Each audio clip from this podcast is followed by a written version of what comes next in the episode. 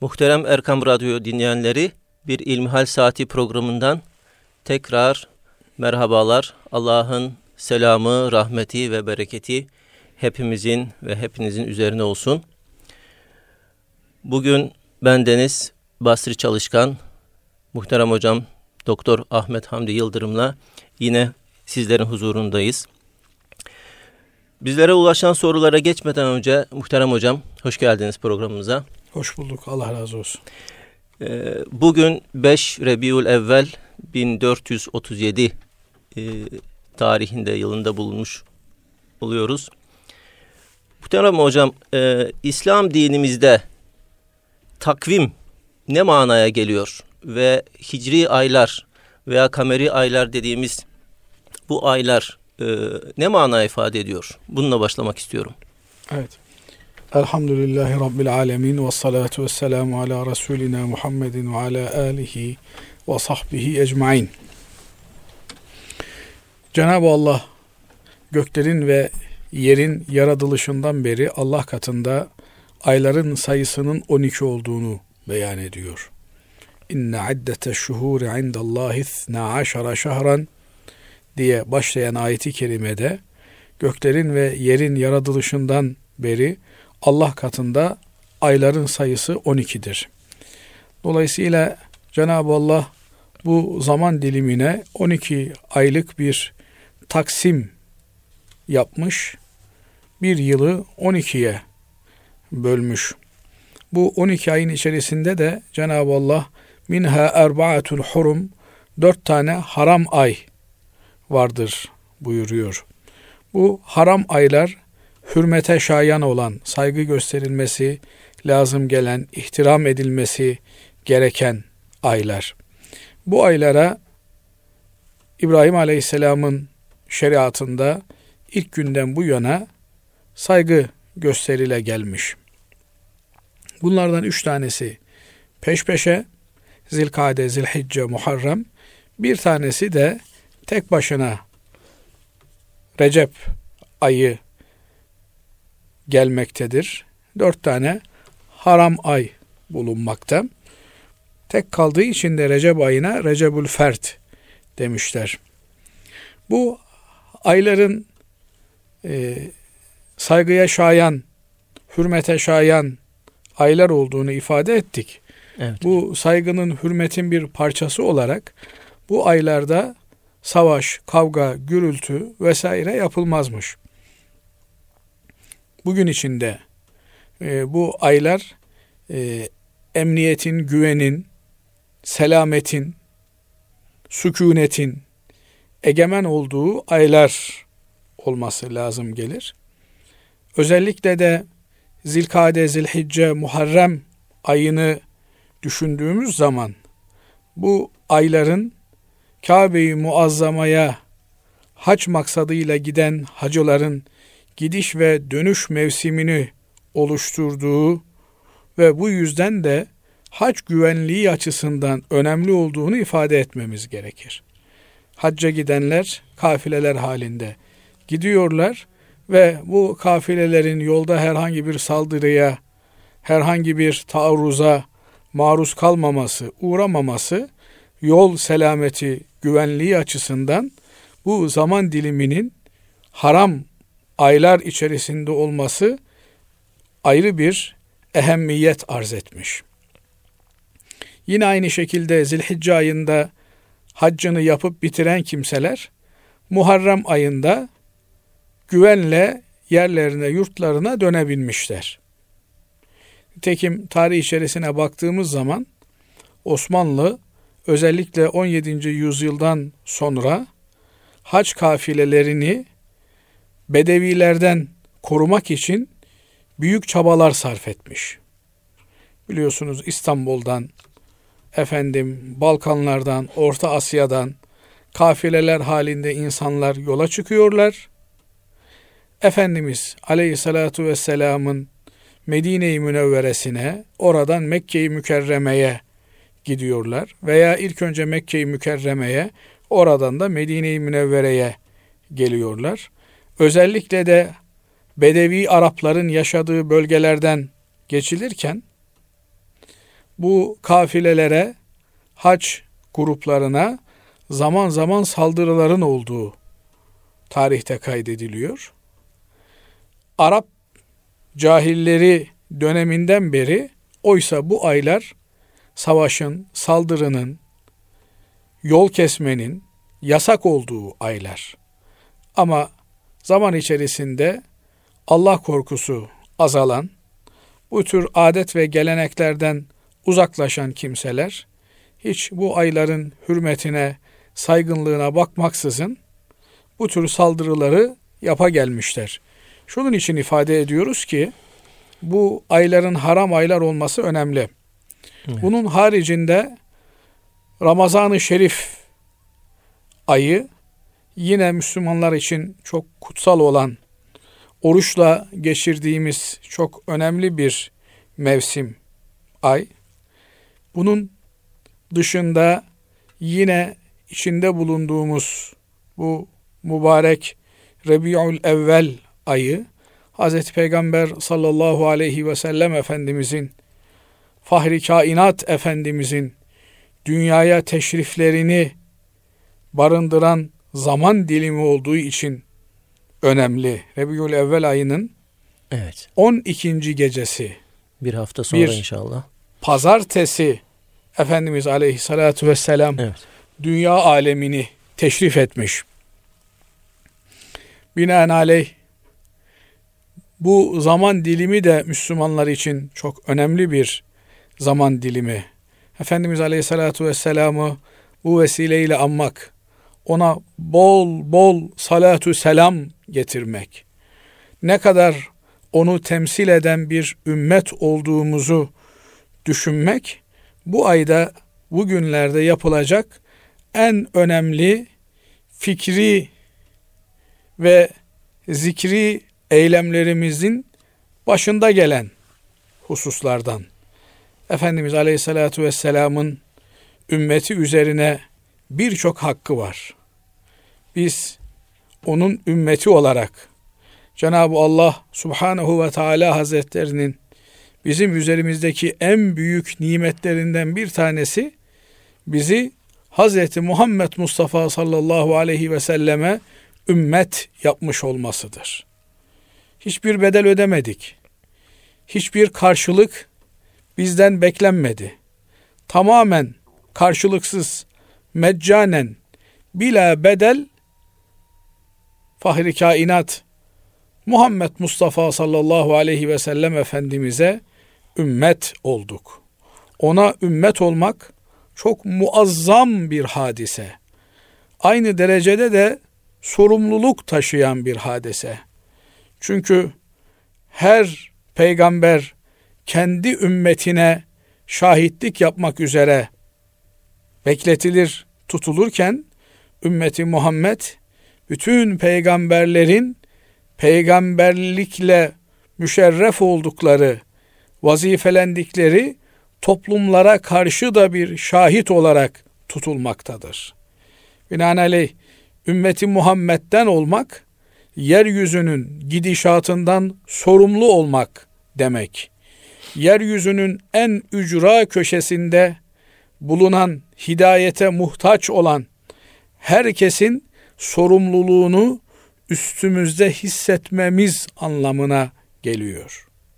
Çünkü eskiden peygamberler geliyorlardı. Bir köye, bir kavme, bir mahalleye, bir şehir halkına hitap ediyorlardı. Yunus aleyhisselam Ninova ahalisinin peygamberiydi. Onun bir başka bölge ile ilgili vazifesi yoktu. Ama Muhammed Mustafa sallallahu aleyhi ve sellem ahir zaman peygamberi, peygamberlerin sonuncusu, bütün yaratılmışların en şereflisi olan Hazreti Peygamber sallallahu aleyhi ve sellem Efendimiz bütün insanlığa gelmiş. Sadece kendi döneminde yeryüzünde bulunanlara değil, kendi döneminden sonra kıyamete kadar gelecek bütün insanlığa gelmiş bir peygamber. Binaenaleyh o bu fani alemden Mevla Teala Hazretlerinin katına alınıp götürüldüğüne bu dünya hayatından göç ettirildiğine göre onun vazifesini yerine getirecek olan onun ümmetidir. Dolayısıyla bu ümmetin her bir ferdi teker teker Efendimiz Aleyhissalatu vesselamın misyonunu, vazifesini üstlenmiş durumdadır. Efendim ben yeterli donanıma sahip değilim. Yeterli bilgi ve birikimim yok.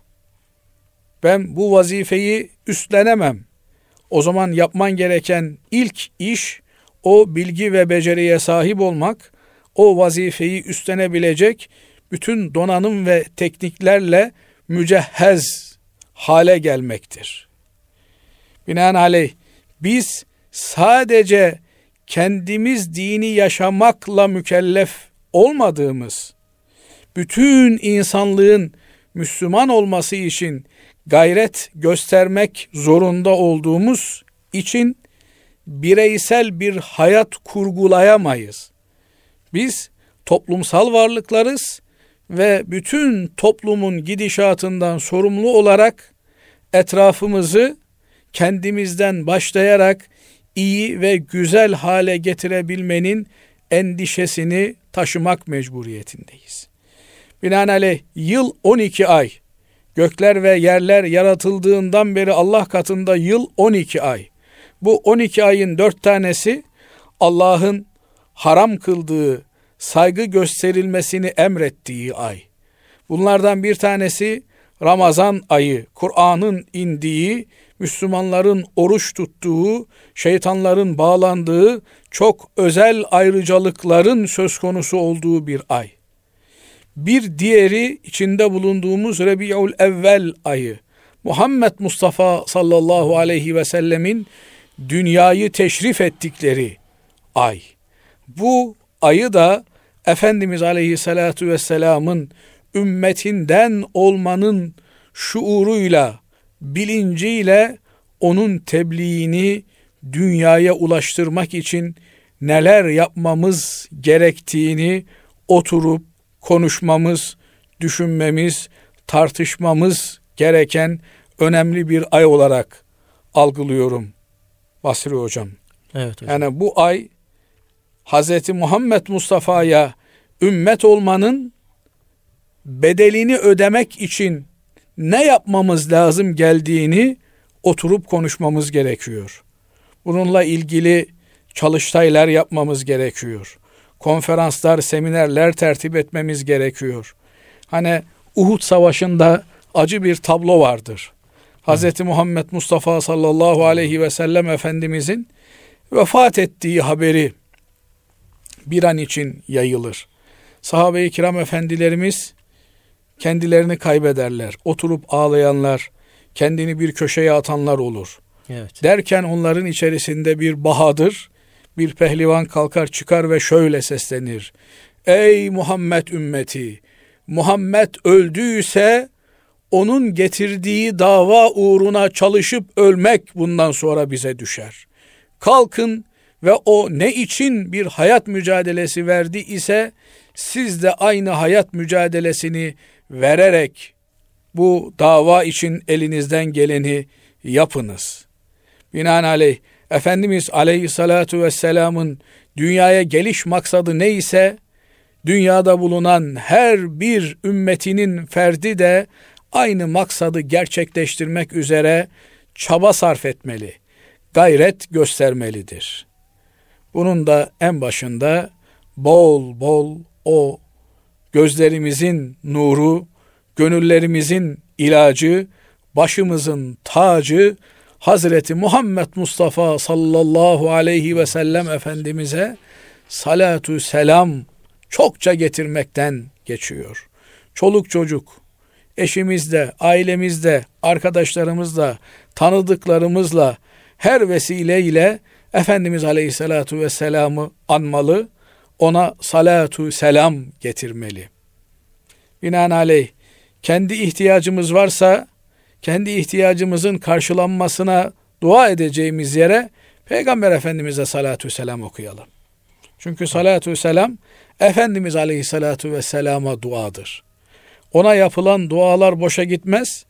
O da kendisine verilen hediyelere hayatında misliyle mukabele ettiği gibi ölümünden, vefatından sonra da kendisine gönderilen salatü selamlara, kendisine yapılan dualara misliyle mukabele eder.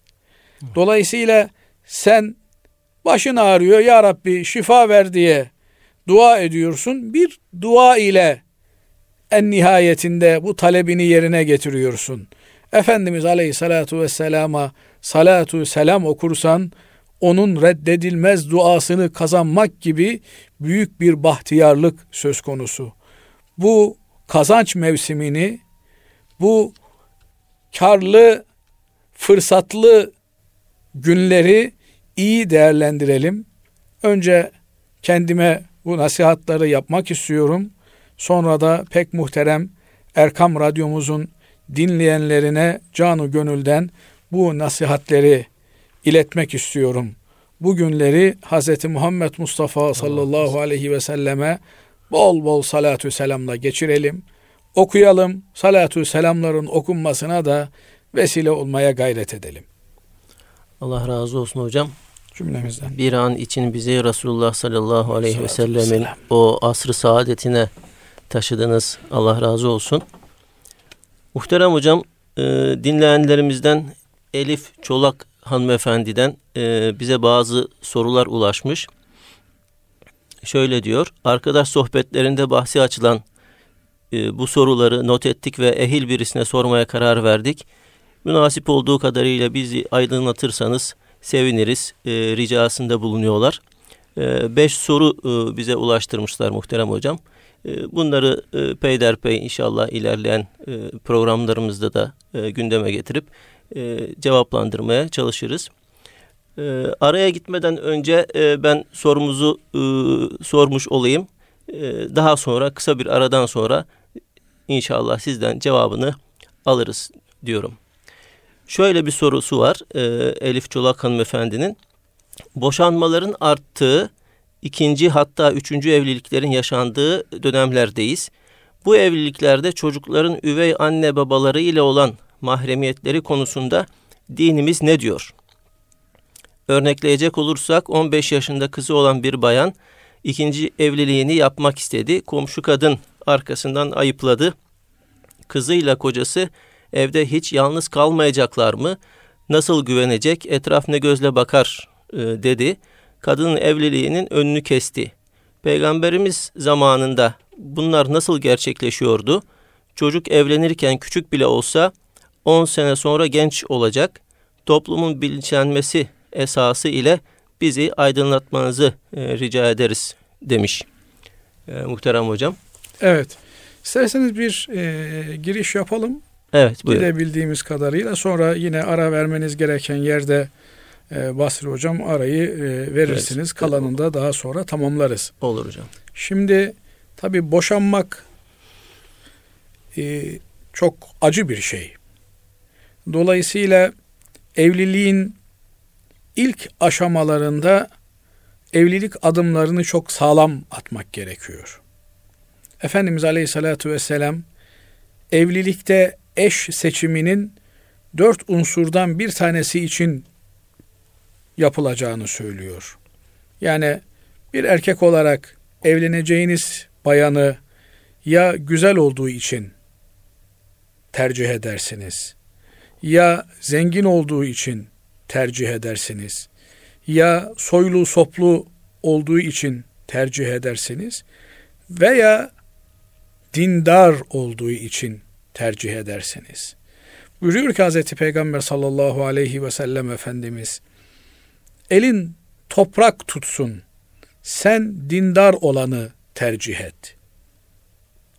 Elin toprak tutsun ifadesini hadis şarihi açıklayıcısı alimlerimiz açıklama gayretinde bulunuyorlar. Diyorlar ki topraktan başka sahip olacağın hiçbir mal mülk olmasa bile yani fakirliğin en dibine vuracak dahi olsan sen dindar olanı tercih et. Burada dindar olanı tercih etmek her ne pahasına olursa olsun bir Müslümana gerekli olan tercihtir vurgusu var. Bir başka yoruma göre de eğer dindar olanı tercih edersen bereket görürsün. Bolluk görürsün. Huzur bulursun anlamına bu ifadenin geldiğini söylemişler.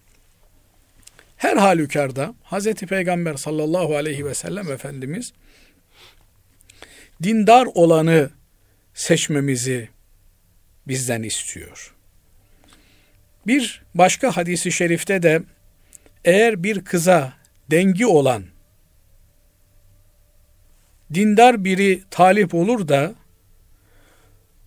fakirliğinden ötürü kızın velisi, babası, dedesi, atası kızı vermemezlik ederse bunun çok ağır veballi bir şey olduğunu Hazreti Peygamber Efendimiz ifade ediyor, buyuruyor.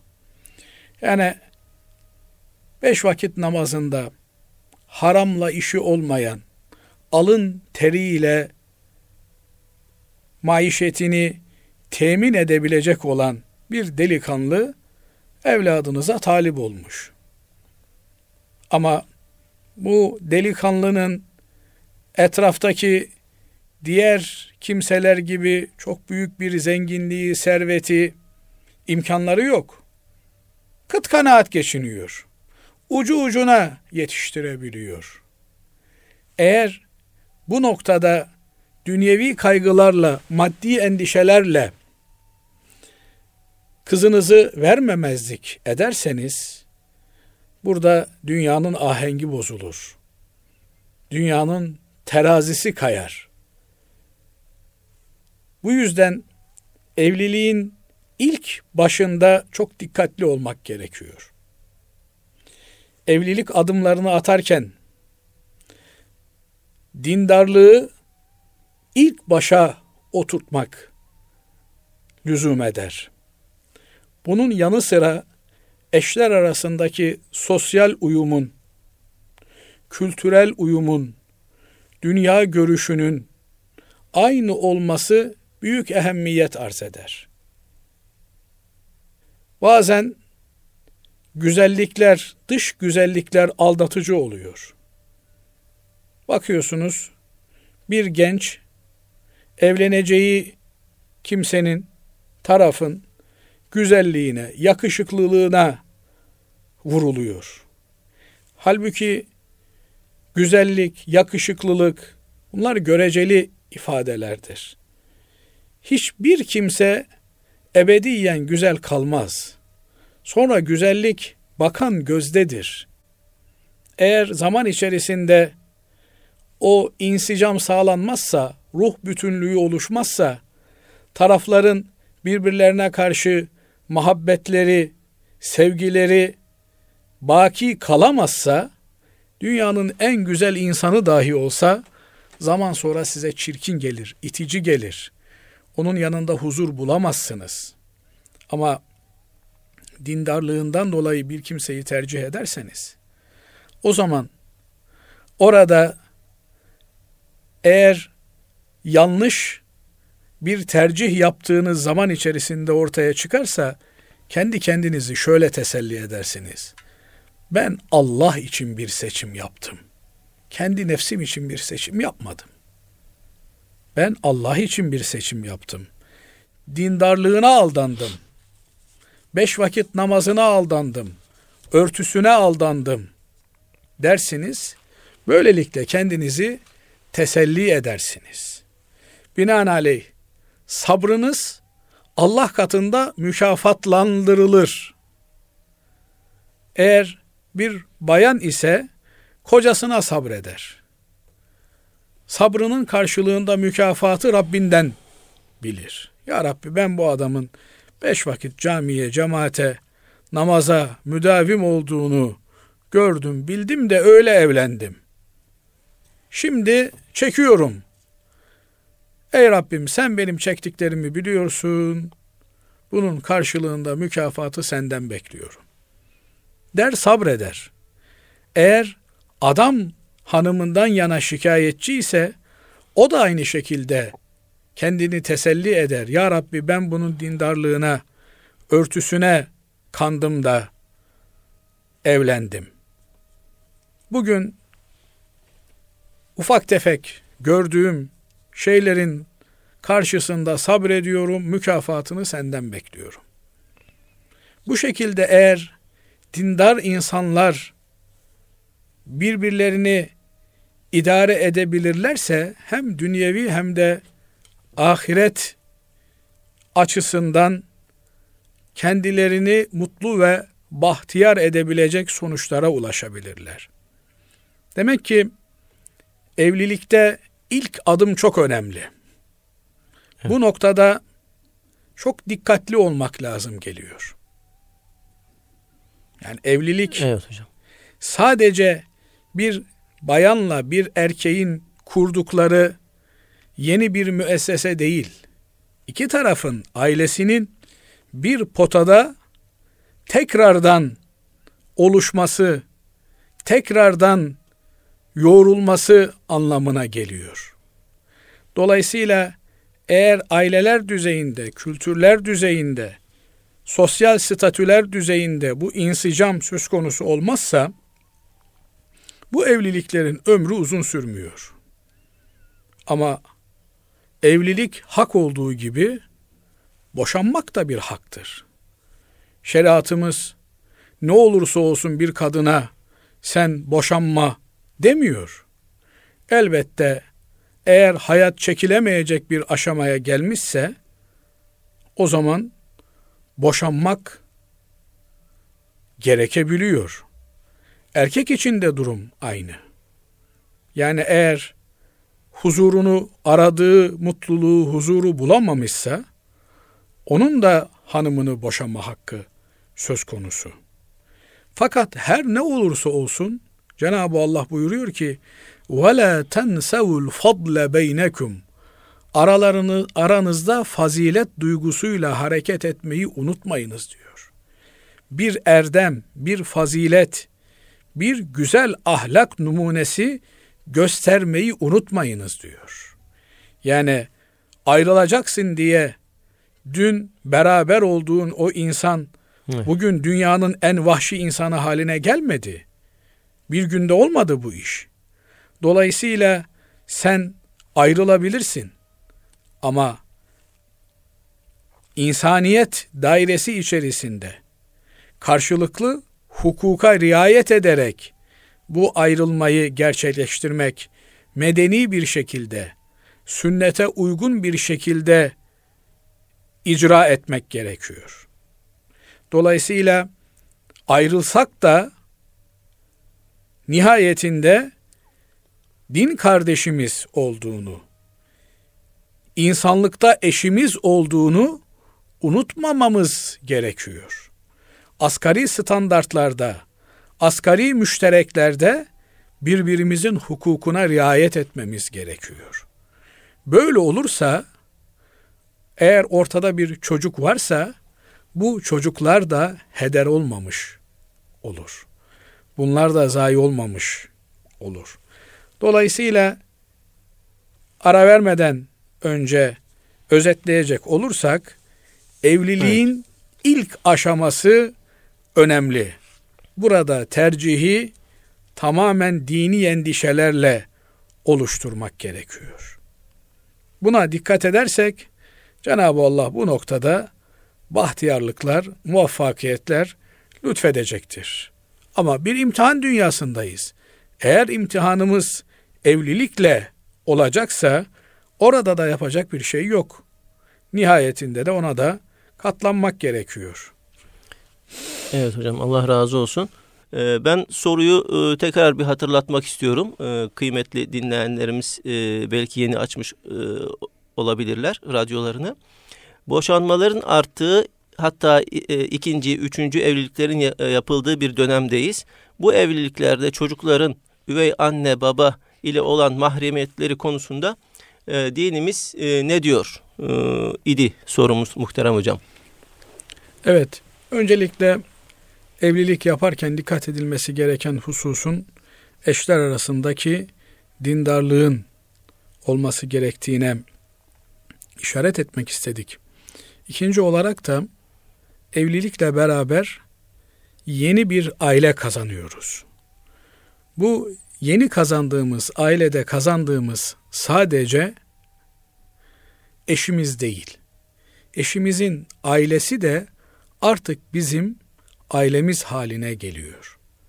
Eğer evli çiftlerden erkek için konuşacak olursak hanımı onun eşidir. Hanımının annesi kayınvalidesidir. Babası da kayınpederidir. Dolayısıyla hanımımız ile olan aramızdaki bağ evlilik süresi içerisinde devam eder.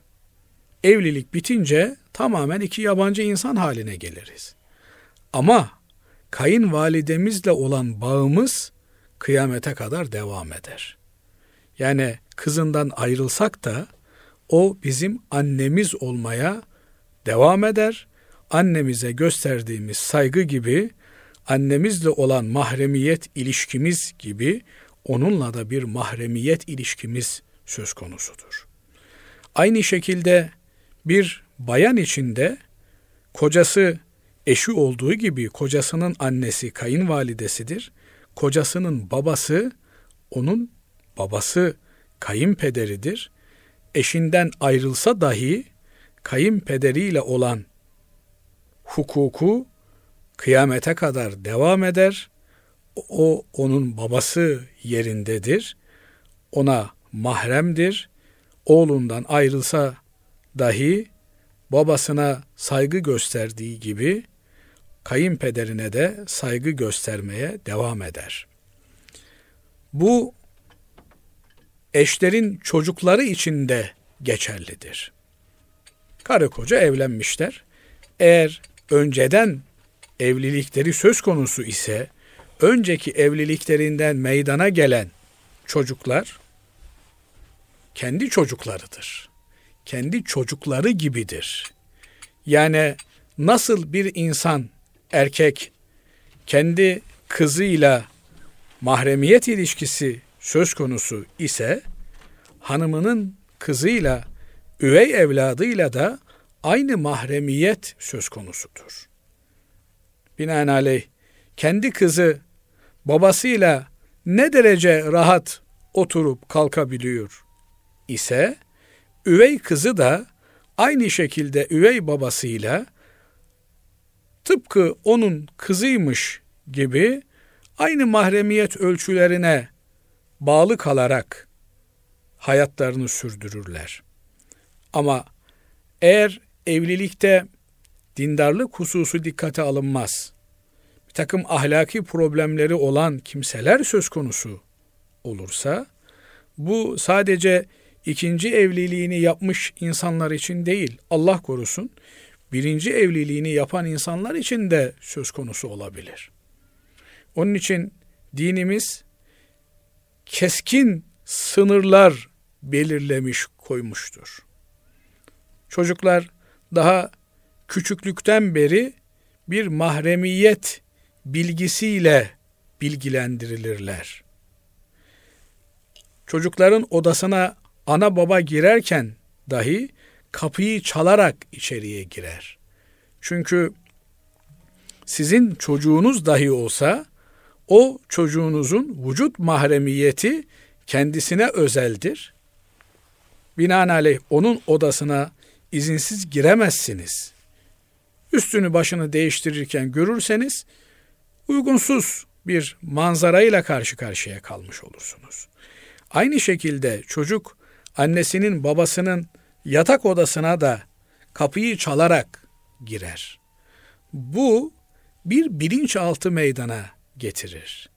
Yani vücudumuzun özel bölgeleri sadece bizim tasarrufumuzda olan veya eşler arasında tasarrufa açık olan bölgelerdir. Bunun dışında herkese kapalı olan alandır. Bunu daha küçüklükten beri çocuklarımıza öğretmekle mükellefiz. Ama eğer evlenilen yaş limitleri ile sahip olduğumuz çocukların yaş limitleri yakınsa burada biraz daha dikkatli olmak lazım gelebilir. Mesela soruda ilk bölümünde tamamını okudunuz sonra özetlediniz evet. ee, sorunun. Soruyu soran kardeşimiz diyor ki işte 17 yaşında bir kızı var hanımefendinin. Kızı annesiyle beraber kalmış. Ee, söz gelimi işte hanımefendi de 37 yaşında olsun. Eğer 25 yaşında bir delikanlıyla ikinci evliliğini yapıyorsa burada daha dikkatli olmak lazım gelir. Ve e, mümkün mertebe de kız çocuklarının ayrılma durumlarında bülüğden sonra babalarının yanında kalmaları tercih edilir. Çünkü e, baba daha koruyucu pozisyondadır. Ama bazen sorumsuzluklar olabiliyor veya kavgalı ayrılmalar olabiliyor. Çocukların velayetleri üzerinde bir çekişme söz konusu olabiliyor. Eğer annenin yanında kalmışsa bu evladımız ona göre biraz daha hassas olmak, dikkatli olmak lazım geliyor. Ama şunu da hatırlatmak isterim. Eğer ee, bir imkan söz konusu ise özellikle de kız çocuğu olan boşanmış veya eşi ölmüş olan hanımların çocuklarını büyütünceye kadar evliliklerini tehir etmesi uygun olabilir. Ama çocuğunu büyütür, evlendirir. Kendi de rahat bir şekilde evlenebilir. Fakat bazen evlilik yapmak bir zaruret haline de gelebiliyor. Bu dönemde de seçimlerimizi eğer dini bütün kişilerden tarafa yapabilirsek bu tür olumsuzlukları bertaraf etmemiz daha kolay olur. Öbür türlü ilk evliliğinizi de yaparken Basri Bey, evet hocam. işte hanım için kayınpederi, erkek için kayınvalidesi yine aynı tür mahremiyetin oluştuğu unsurlardır. Binaenaleyh biz doğru eğitimi evlatlarımıza vermekle mükellefiz. Onun peşinden de evliliklerimizde mümkün mertebe doğru seçim yapmamız gerekir. Burada belki atladığımız diğer bir husus da e, bir kadının boşandıktan sonra veya eşi öldükten sonra tercihini ikinci evlilikten, üçüncü evlilikten yana kullanmasını yadırgamak, bunu bir dedikodu konusu yapmak asla doğru bir şey değil. Bir defa asıl olan evliliktir. Evet. Evlilik çağına gelmiş olanların evlenmeleri gerekir. Boşanma meydana gelmişse onun kadın açısından iddet biter bitmez mümkün mertebe yeniden bir evlilik teşebbüsünde bulunması, erkeğin yeniden bir evlilik teşebbüsünde bulunması lazım gelir. Binaenaleyh evli olanları veya evlenenleri kınamak çok ağır ve çok veballi bir hadisedir. Bunu maalesef görüyoruz. Adam 50 yaşında eşini kaybetmiş.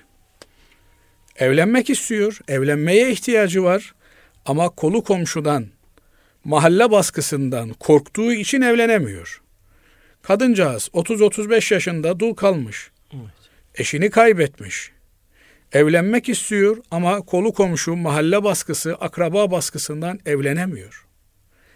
Binaenaleyh bu tür baskıları yapmak, bunların dedikodularını icra etmek, sözle dahi olsa bu tür olumsuzluklara perde aralamak çok ağır ve veballi işlerdir. Allah muhafaza etsin. Bizim bu tür yerli yersiz konuşmalarımızdan dolayı eğer bir Müslümanın günaha girmesi söz konusu olursa bunun vebalinin altından kalkamayız. Bunun yerine teşvik etmemiz gerekir. Yani eğer e, bir ruhsal sıkıntı yoksa, fiziki bir engel söz konusu değilse, eşler karşılıklı birbirlerinin hukukunu gözetebileceklerse, evliliği tavsiye etmek gerekir. İkinci olur, üçüncü olur, dördüncü olur, onuncu olur.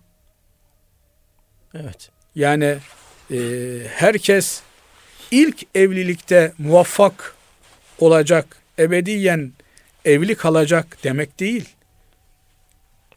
Binaenaleyh başarısız bir evlilik yaptı.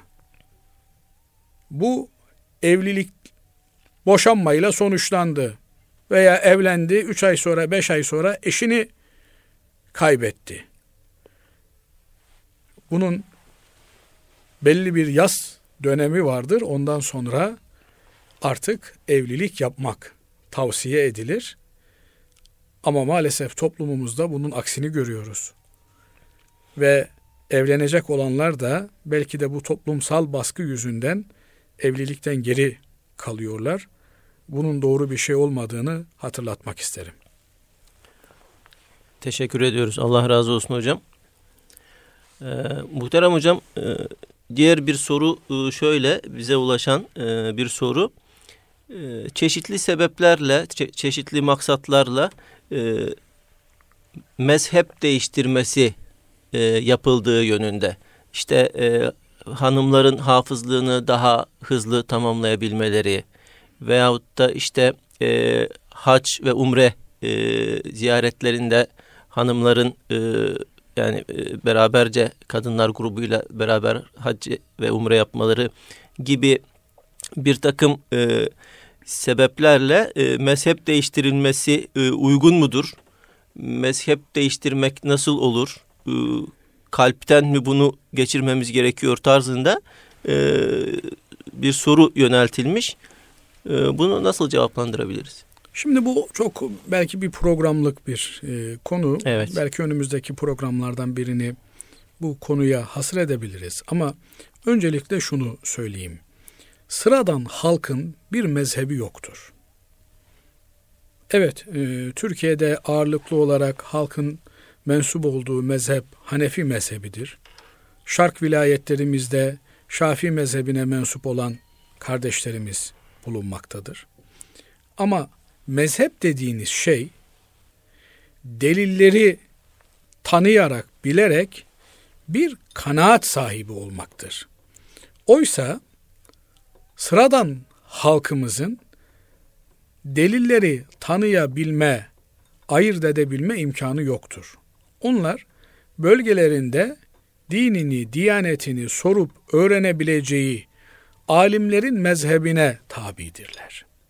Hanefi mezhebi bugün bizim mekteplerimizde, medreselerimizde